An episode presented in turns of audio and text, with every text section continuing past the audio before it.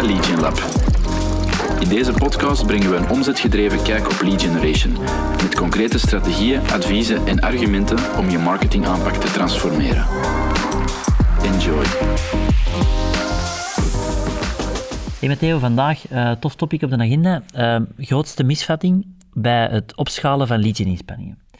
Uh, ik zal hem even nader verklaren. Ik, wat wij heel vaak tegenkomen, en ik denk dat velen onder jullie zich daar ongetwijfeld in gaan herkennen, elk jaar worden de groeidoelstellingen bepaald. Hè. volgend jaar willen we 20% groeien, het jaar daarna 30%, nog eens 30% enzovoort.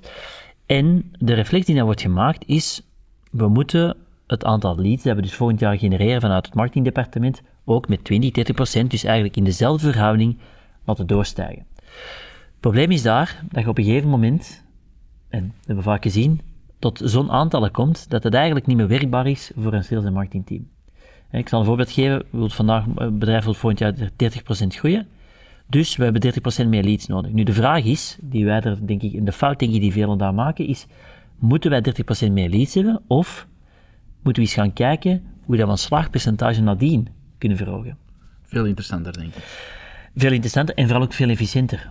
Want wat is het probleem, en we hebben dat al een paar keer aangehad, maar wat is het probleem? Op een gegeven moment zitten aan zo'n groot aantal leads die je wilt capteren, dat het eigenlijk voor de business een rem is.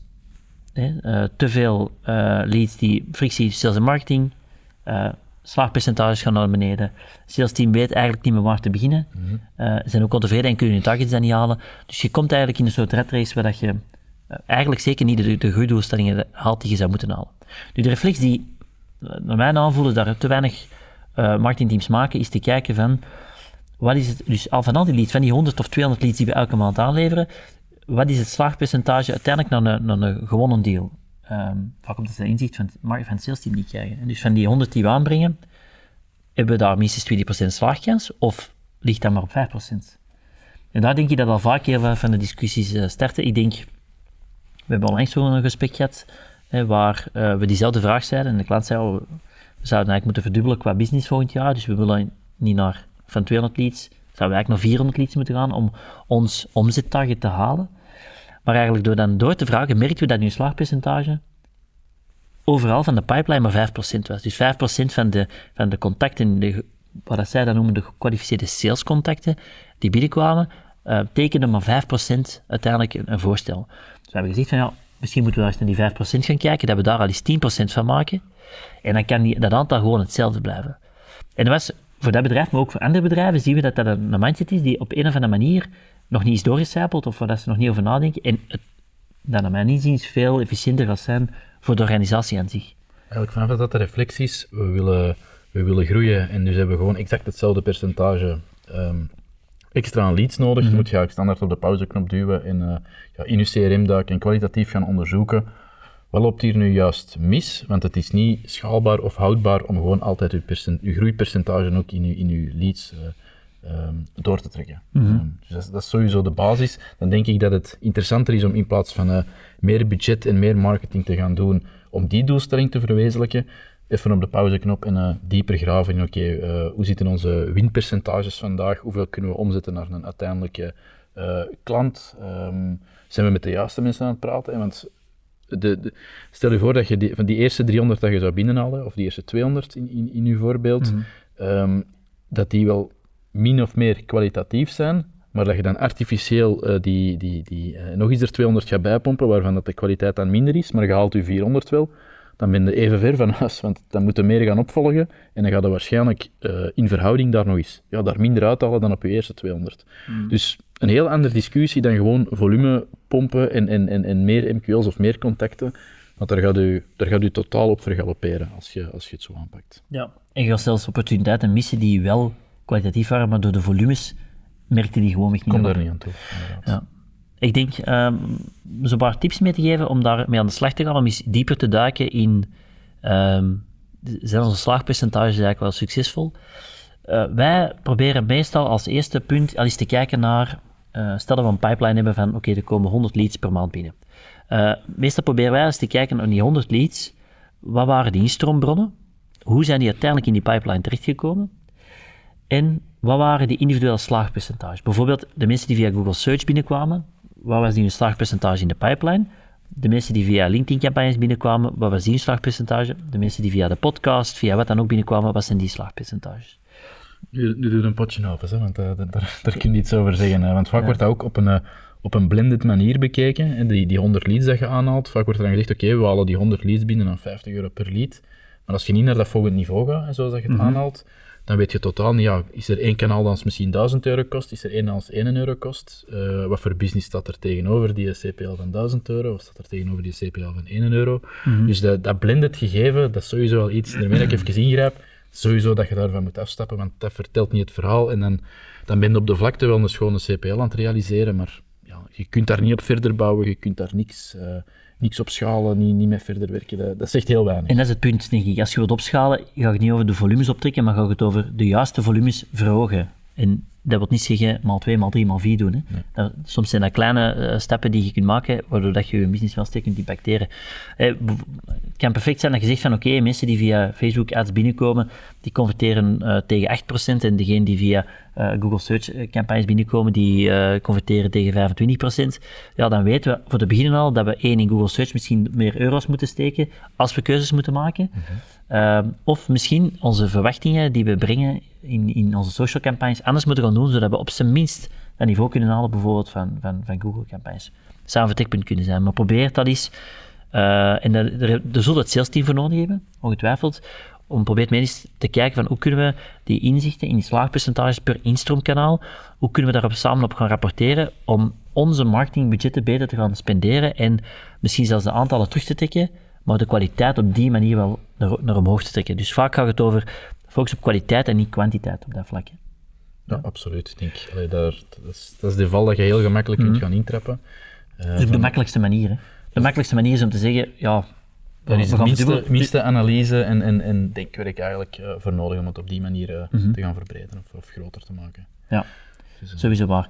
Dat en plus uh, ook hier hè, probeert, uh, als mensen contactformulieren invullen, probeert daar ook de vraag te stellen hoe dat ze jullie hebben leren kennen. Dan hebben je altijd die dubbele bron van waarheid. Zo, de manier hoe dat in het CRM staat, maar ook de manier hoe dat de klant dat zelf aangeeft. En die twee kunnen dan vergelijken, gaan vergelijken in je slaagpercentage, om dan een goed inzicht te krijgen van oké, waar converteert men het beste, uh, beurzen, social enzovoort. En laten we wel eens zorgen, en welke omzet komt eruit, en wat is uiteindelijk onze doelstelling. Als onze doelstelling is dan te verdubbelen, dan moeten we misschien gewoonweg een van de instroombronnen verdubbelen, maar niet de volledige poelen van leads verdubbelen, want dan gaan we zeker het eindresultaat op dat vlak niet halen. Ja, en ja, dan komt ook weer in het, in het eerste geval, gaat er vaak op dat punt zijn gekomen, mm. die lage slagpercentages, omdat je net naar volumes hebt gekeken, ik denk dat we dat in een van de vorige afleveringen hebben gezegd, um, dan gaat je heel snel naar de, um, de, ja, de snel bij elkaar gesprokkelde tactieken, om e-mailadressen te vangen, liefst zo goedkoop mogelijk. Dat wordt dan allemaal op een hoop gegooid. En ja, dat zegt dan heel, heel weinig. Dus je hebt jezelf misschien een klein beetje in die positie gebracht door er van bij de start niet over na te denken. Want het Klopt. is wel een vermijdbaar iets uh, dat je in die situatie komt van we hebben hier onwerkbare aantallen, er komt niet de, het resultaat uit dat we graag willen. Um, ja, dat is wel een, een, een serieuze oefening of een, uh, strategisch verhaal dat je in het begin goed, uh, goed en juist moet zetten. Mm -hmm. En waar dan natuurlijk, en dan natuurlijk iets verder gaat dan alleen marketing. Dat is ook hoe dat, dat in het CRM uh, wordt geplaatst, hoe dat, dat daar wordt uh, in, in, lijsten of in, in, statistieken wordt gegoten of in dashboards. En dat is ook ja, de, de, de, feedback van sales is daar cruciaal. Dus dat kun je niet vanuit een silo zomaar doen. Je hebt er je datateam voor nodig en je sales team. Um, ja, want anders gaat het eigenlijk, denk ik, automatisch um, in, de, in, ja, in, die, in die valstrik uh, gaan. Mm. En ik denk dat we daar ook een punt aan halen waar dat we denk ik van overtuigd zijn dat zeker marketingteams naar de toekomst toe, terug mee moeten gaan doen. Hè. Uh, als wij kijken, als wij intakes doen met marketingteams of met marketing, um, uh, marketeers of marketingmanagers, is dat als wij briefings ontvangen, dat gaat altijd over wij moeten die aantallen halen. Maar er wordt nooit gesproken over welke omzet willen wij, willen wij vanuit het marketingteam gaan faciliteren. En dat is uiteindelijk hetgeen dat telt. Hè. Welke omzet willen wij um, gaan faciliteren voor het sales team? En die aantallen, ja, dat is, is in principe bijzonder, maar de focus wordt op een gegeven moment aantallen. Omdat men op dat moment vanuit hun silo vaak enkel die aantallen kan rapporteren en tot daar stopt het vaak. Of, dat is het, het, het eindpunt voor hun.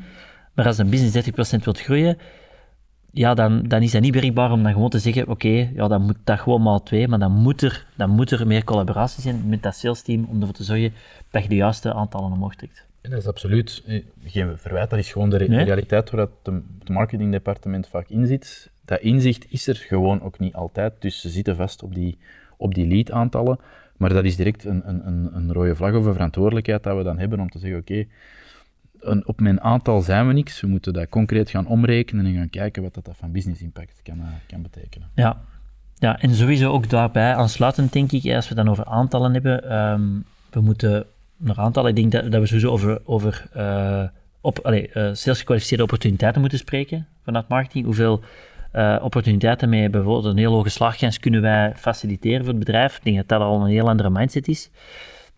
Maar ook, en dat is eentje dat ook niet altijd een gemakkelijke is, is eh, die aantallen, dat is één, maar vooral is te gaan kijken van, oké, we, moeten, we moeten hier extra omzet gaan creëren, maar de vraag is ook van, via welke, via welke invalswegen vinden mensen ons vandaag, enerzijds. Dus ik, ik, heb het dan over, eh, ik kan, een goed voor- voorbeeldje proberen te zoeken. Hè.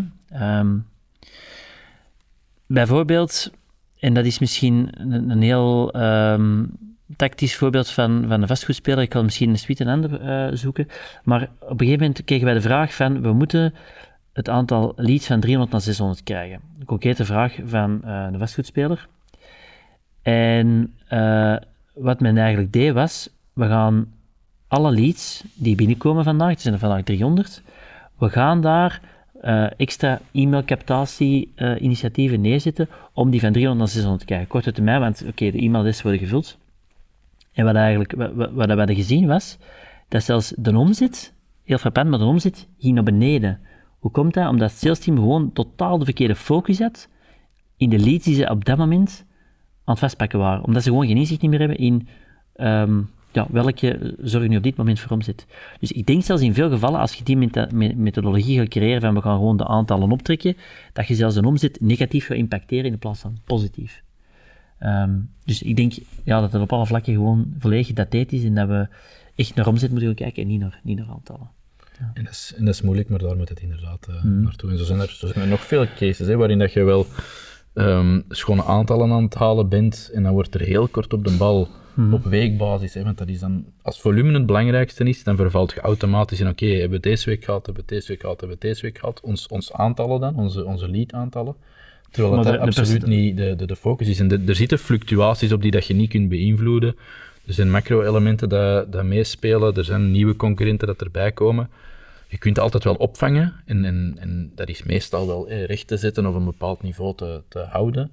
Ehm, maar als je puur naar volume kijkt zonder verder te kijken, dan, ja, dan komt in een heel defensieve, defensieve houding waarin dat je niet ja, in, in de lead bent van wat dat je qua marketing en qua business aan het realiseren bent. Dat is, dat is altijd jammer natuurlijk, want dan, dan zit een druk continu op, eh, op de ketel in plaats van slimme keuzes te maken of slimmere keuzes.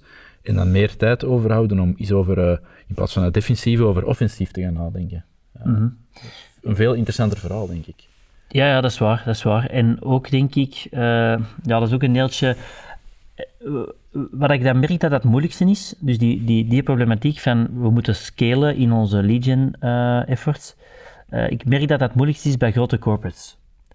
Ehm, waarom? Omdat grote corporates eigenlijk vaak op een vaste manier rapporteren naar het hoofdhuis of ja, meestal naar het hoofdhuis. En die praten altijd over leads gegenereerd en uiteindelijk omzet gerealiseerd door, door het eh, sales team. En die leads gegenereerd is de metric vanuit die corporate omgeving om het succes af te meten van die marketingmanager of van van die marketeer. Dan werkt je een bepaald gedrag gewoon in, in de hand. En dan gaat inderdaad dat gedrag genereren, waardoor dat die organisatie zichzelf gaat vastrijden op een gegeven moment.